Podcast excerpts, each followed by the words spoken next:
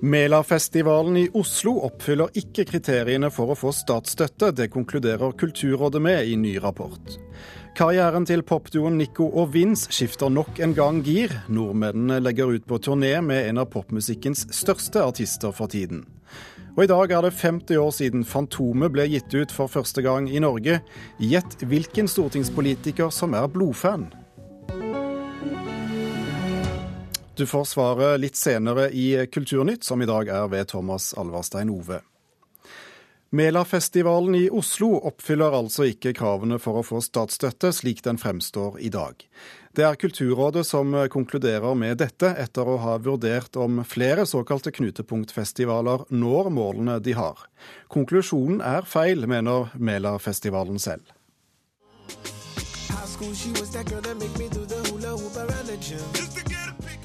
Hiphop-artisten Wyclef Shaun er en av artistene som står på hovedscenen under Melafestivalen i Oslo i august.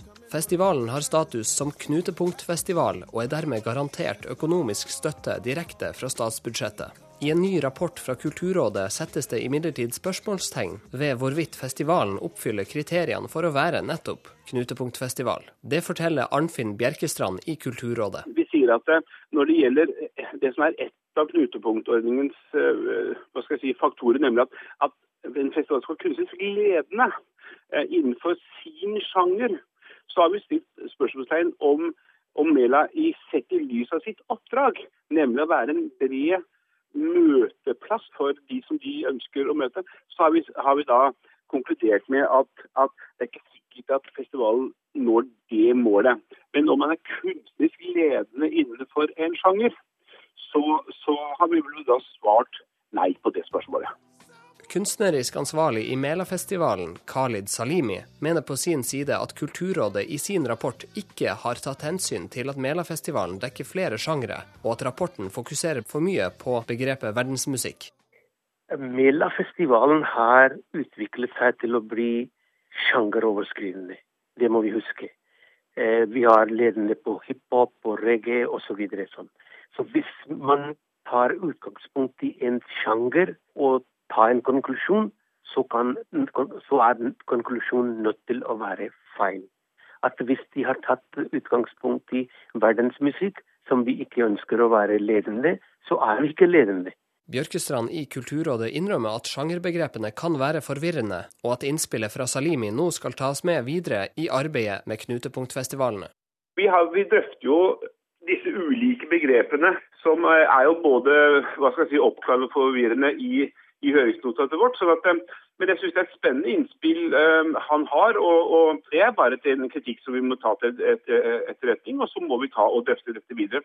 Dette er begrep som både samler og deler det hele musikalske feltet. Statssekretær Bjørgulf Borgundvåg i Kulturdepartementet sier at det er for tidlig å si hva rapporten om Melafestivalen vil føre til.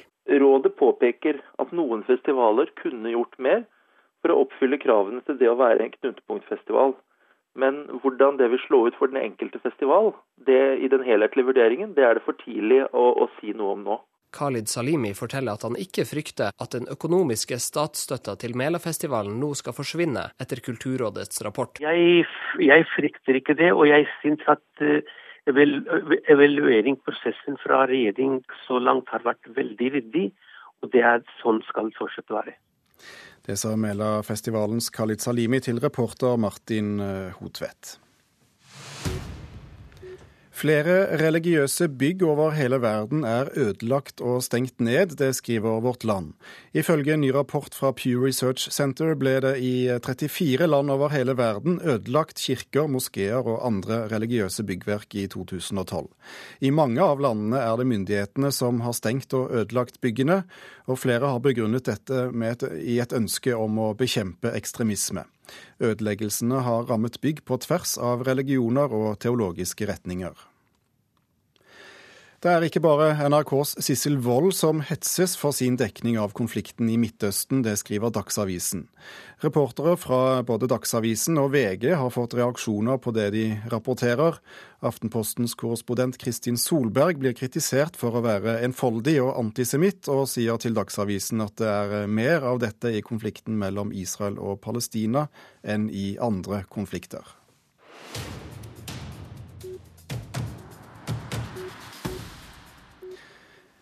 I dag er det 50 år siden Fantomet ble gitt ut som et eget blad på norsk første gang. Tegneseriehelten har hatt egne blader og striper i aviser verden over siden 1930-tallet, og har fått mange dedikerte fans opp gjennom tidene. SV-politiker Heikki Holmås fant et politisk idol i Fantomet. Hver eneste mandag ettermiddag når butikkfolkene satte det ut for at det skulle være klart til tirsdag morgen, da var jeg der og plukket med meg Fantomet igjen. Heikki Holmås har nettopp fått se 50-åringen. For 15.07.1964 kom det første norske Fantomet-bladet ut. Holmås står midt i tegneseriebutikken Lucky Eddie i Oslo og holder med forsiktige hender tegneserien han er så glad i. Det jeg syns var spennende med Fantomet, som jeg faktisk skrev særoppgave om i åttende klasse, var jo at Fantomet var en fyr som ikke hadde superkrefter.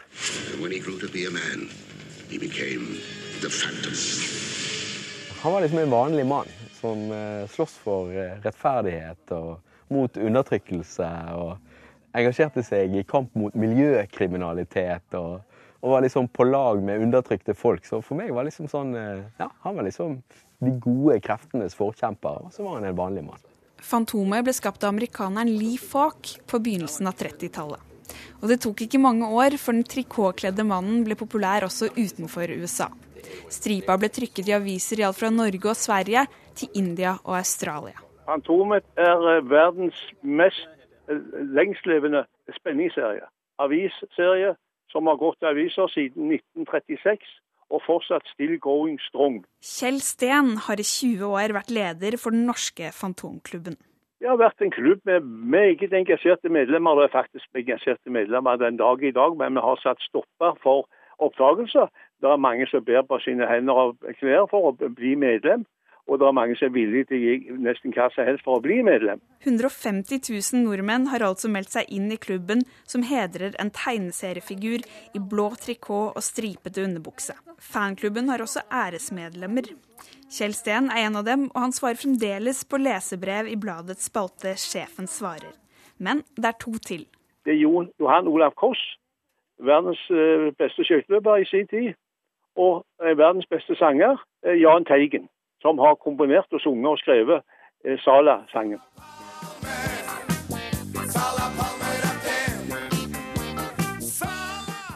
Sala Palmer er gift med Fantomet, og sammen med sine to barn lever de i en grotte i den dypeste jungelen i fiktive Bengal. Sala! Vil du gifte deg med meg? Ja. I Norge hadde tegneserien sin storhetstid på 70- og 80-tallet med et opplag på nesten 100 000. Og det var på denne tiden åtte år gamle Heikki oppdaget helten sin. Jeg husker det veldig godt, for det var på barnehagen i 1979, våren 1979. Det var en av bestekompisene mine, Bård, som hadde med seg Fantomet-bladet. 'Fantomet og Grottøyas hemmelighet'. Og eh, det syns jeg var så kult. Og det er mulig Heikki Holmås burde blitt et fjerde æresmedlem. For han har til enhver tid en liste i lomma over utgaver han mangler. Her, vet du. Her har du listen over de som mangler. Der mangler det mange. Ja. Skjønner du, så Mitt første nummer er nummer to 1966.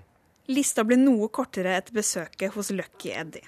Så Heikki fortsetter jakten på bladene som har gitt sine lesere gode jungelord. Fantomet er hard mot de harde. Og Heikki har til og med laget sitt eget. Ja, Geeks are cool. Altså det er, altså det er litt nerdefaktor, tror jeg alle har godt av. Det sa Heikki Holmås, og reporter her det var Siran Øsalp Gildirim. Vi skal vende venne oss til eh, Melina Edvardsen, bibliotekar med tegneserier som eh, spesialfelt. Bare la oss ta det med en gang. Jungelord, som Heikki Holmås nevnte her sist. Hva er egentlig et jungelord? Da er det når du sier noe veldig bra. som Fantomet ofte gjør? Ja. ja. Du, hvordan står det til med Fantomet som superhelt i, i 2014? Han er nok ikke like stor nå som det han var i gullalderen sin. Eh, og det tror jeg nok har litt med at historiene har tapt seg, eh, har tapt seg de siste årene, dessverre. Og jeg tror nok også en del hardbarka Fantomet-fan også er, er, nok enig i det. Han var bedre helt... før? Ja, han var bedre før. Og nå blir vi heller ikke helt eksponert av Fantomet på samme måte nå som det man ble før, som man hørte i reportasjen der. Man hadde Fantomeklubben som hadde mange, mange medlemmer, og de gikk i alle aviser, og det ble gitt ut blader og pocketbøker, og man gjør ikke helt det i dag. Hvorfor tror du det har blitt sånn? Jeg tror vel kanskje han har stått litt stille. Han har ikke helt klart å fornye seg på samme måte som mange andre superhelter. Og jeg tror nok også at dagens superheltfans vil ha litt mer action, litt mer duppeditter og teknologi enn det, enn det Fantomet klarer å stille med. Superhelter er jo inn igjen på kinolerretet. Stadig nye, nye, storfilmer kommer. Men, men Fantomet uteblir. Hva slags helt er han som, i forhold til disse andre som gjør at han da ikke når opp på kinolerretet? Jeg tror han har kanskje litt, litt mindre actionfaktor. Eh, og jeg tror nok hvis han skulle gjort seg på det store lerretet, så måtte de nok kanskje gjort noe med antrekket med de stripete underbuksene hans. Som de har gjort med Supermann, har de jo fjerna trusen utapå i det siste. Man blir litt mer intelligent av det, kanskje? Tilsynelatende. Kanskje det. um, er han litt kjedelig nå, i dag? Jeg tror nok også det har noe med at historiene har tapt seg litt. Så vil jeg si at jeg også syns at Fantomet var bedre, bedre før, ja. Uh, han hadde en, en kvinnelig uh, likesinnet, Fantoma, i, i, sin tid. Alter ego heter det. Hva skjedde med henne? Hun uh, forsvant nok litt ut i, ut i intet. Ble nok aldri like populær. Enkelt og greit, og da sluttet man å, å, å gi ut hefter med henne i? Ja.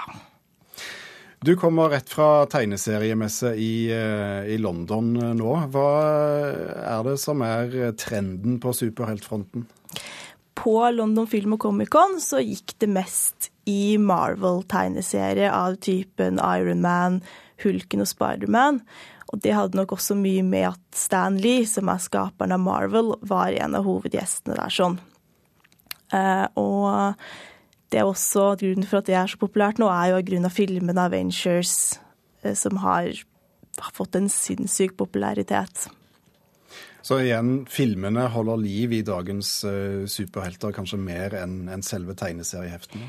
Ja, jeg tror det blir en litt sånn De går litt hånd i hånd. Jo mer populære filmene blir, jo mer midler får man til å lage gode tegneserier. Så de spiller nok litt opp under hverandre. Vi får oppfordre folk til å gå på i, i butikken eller på biblioteket og, og, lese noen gode, gamle striper i stedet for på kino, kanskje. Tusen takk skal du ha, Melina Edvardsen, bibliotekar og tegneserieekspert.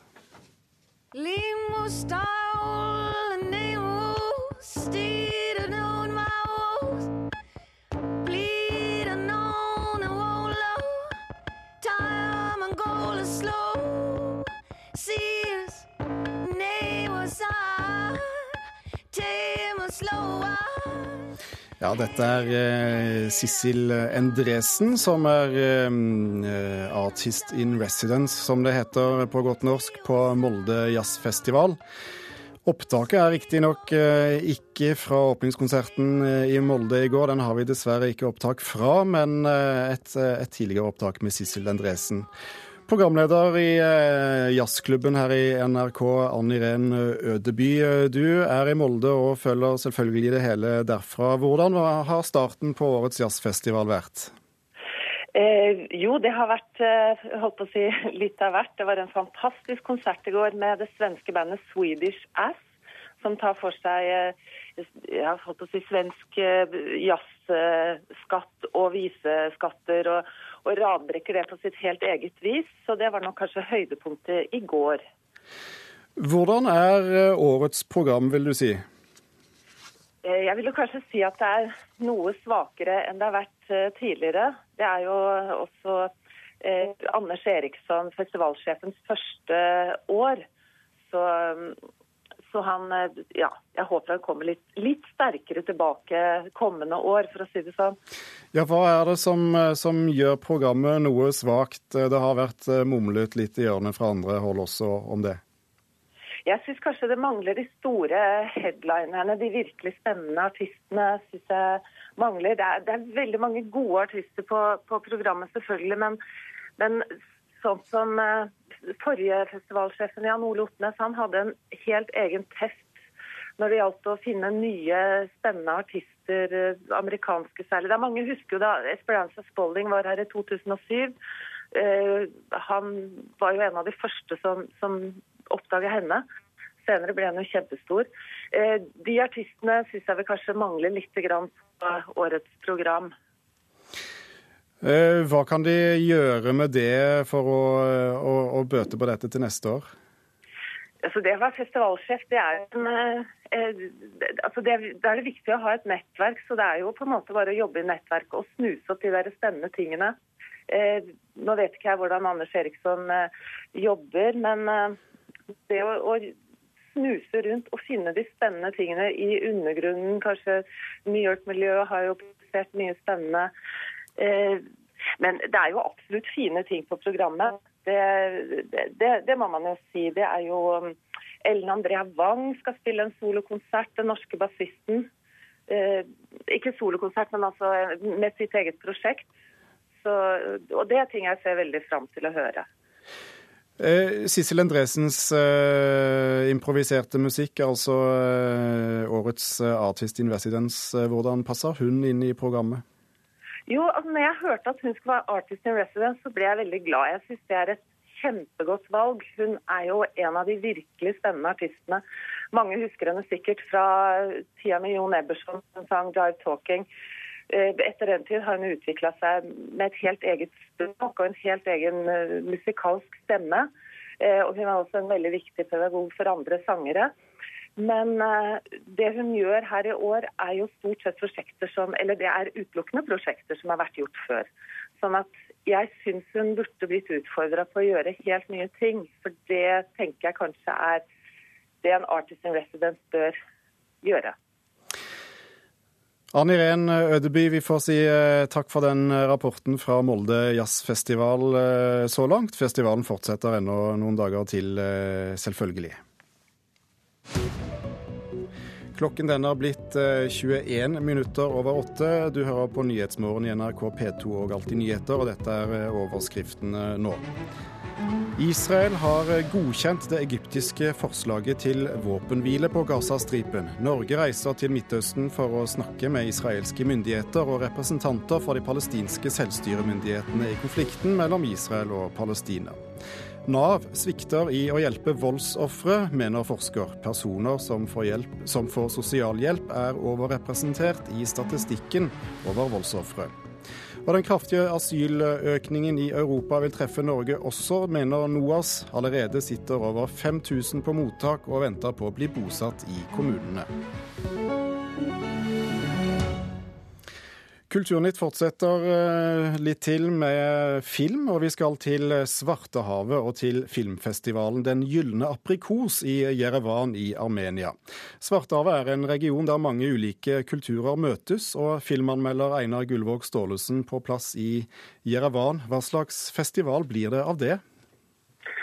Det blir en meget interessant festival. Altså, de har et uh, hovedprogram her med internasjonalt uh, film tilbud det er ikke de store nyhetene i å få se. Det er filmer som har vært på andre festivaler før. Men de har også et veldig interessant program med filmer fra regionen.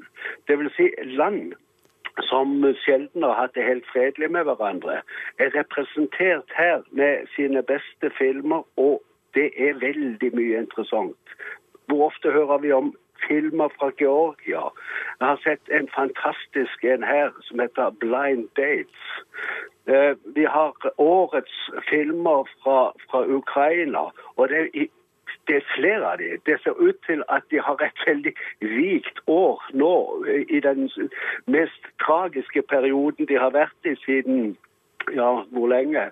Og eh, det dreier seg om eh, filmer fra omtrent alle landene i, rundt Det kaspiske hav, innover i, i Sovjet og, og, de nære asiatiske områdene. Det dreier seg om uh, Tyrkia i stor grad, det gjør det hvert år. Og til og med Hellas er med. Dette er en region som er utrolig mangfoldig, men som her finner sammen i en, en fantastisk filmisk samrøre som du ikke skulle tro bygger på noe uenighet eller interessemotsetning i det hele tatt. Du nevnte eh, film fra, fra det konfliktfylte landet Ukraina. 'Last Confession'. Hvordan fremstår den filmen i, i lys av det som skjer nå? Den er, kan handle om hva som helst. Den kan være fra norsk heiegård i og for seg. Men det er altså perspektivene i historien som gjør den veldig interessant i Ukraina akkurat nå. Det dreier seg om to brødre i hvert sitt hus på samme heiegård som ikke har snakket sammen på flere tiår. De registrerer hverandres skorsteiner, om det er røyk eller ikke røyk, om uh, han fremdeles kan være i live. Men de tar aldri kontakt. De ser hverandre knapt utenfor husene. Og eh, gjennom denne filmen så får vi altså eh, rettet ut bakgrunnen for denne ekstreme konflikten og dette veldig spesielle forholdet. Den ene var gift men hans kone var mer glad i broren. Det er en uh, stor, storartet film av en uh, kvinnelig uh, debutant som heter Victoria Trofimenko. Vi får ønske deg god fornøyelse videre i, på Den gylne aprikos filmfestival i Jerevan. Takk skal du ha, Einar Gullvåg Staalesen.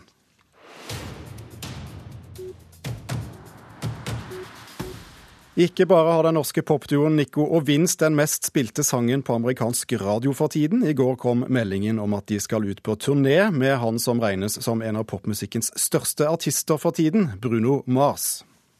Det er jo klart at Bruno Mars er jo en av de absolutt største i eh, den sjangeren der, sånn at jeg tror jo at eh, eller jeg vet jo at de nå får vist seg fram for et veldig mye større publikum som, eh, som på en måte liker det Nico Vince driver på med allerede. Det sier Marie Kommissar, musikkprodusent her i NRK.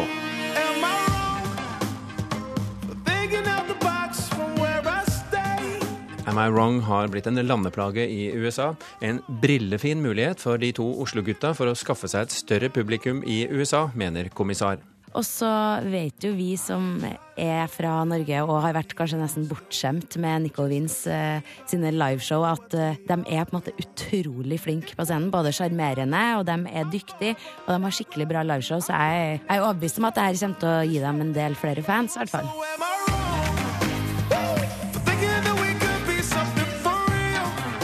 Bruno Mars har solgt 11 millioner album og 68 millioner singler og vunnet to Grammy-priser.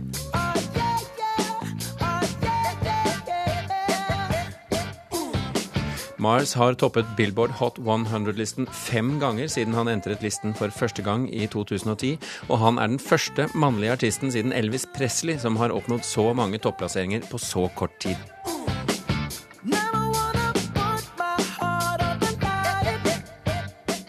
Bruno Mars sin eh, mest spilte låt på Spotify, 'Locked Out of Heaven', som du hører her, har blitt spilt 124 millioner ganger på Spotify. 'Am I Wrong' rundet 100 millioner natt til i går. Nico og Vince har ligget på fjerdeplass på Billboard Hot 100, USAs viktigste hitliste, i tre uker på rad, og ligger også på tredjeplass på den offisielle hitlisten i Canada, der deler av Bruno Mars-turneen skal foregå. Nå får de vise seg som sceneartister for et stort publikum, sier førsteamanuensis ved NIS og BI, Audun Molde. Nico Wins suksess i USA avhenger veldig mye av at det blir spilt så mye på radio, så dette er en kjempemulighet for de til å vise hva de er gode for live på konsertscenen. Og Jeg tror det kan bety veldig mye, fordi at Bruno Mars er en superstjerne i USA. Han spilte f.eks. på Superbowl nå sist gang. Og, og, han har også et publikum som jeg tror passer ganske bra til uh, Nico og Vince sin stil. Veldig sånn upbeat, uh, optimistisk, uh, feel good-type musikk. Så jeg tror det kan bety et kjempegjennombrudd for, for de som sceneartister. Det eneste norske bandet som har hatt større suksess i USA enn Nico og Vince, er legendariske a-ha. Og Magne Furuholmen følger med Oslo-duoen fra pensjonisttilværelsen. Det er en kjempesuksess. De har gjort det kjempeskarpt. Du får ikke en sånn turné med en, en Bruno Mars uten å ha allerede en betydelig suksess bak deg. Da a-ha slo gjennom i USA på midten av 80-tallet, var en tre måneder lang turné en viktig suksessfaktor. Og selv om Magne Furuholmen påpeker at det er mye han ikke vet om det amerikanske popmarkedet i dag, så mener han konsertvirksomheten fremdeles er svært viktig for å gjøre varig suksess på det amerikanske markedet.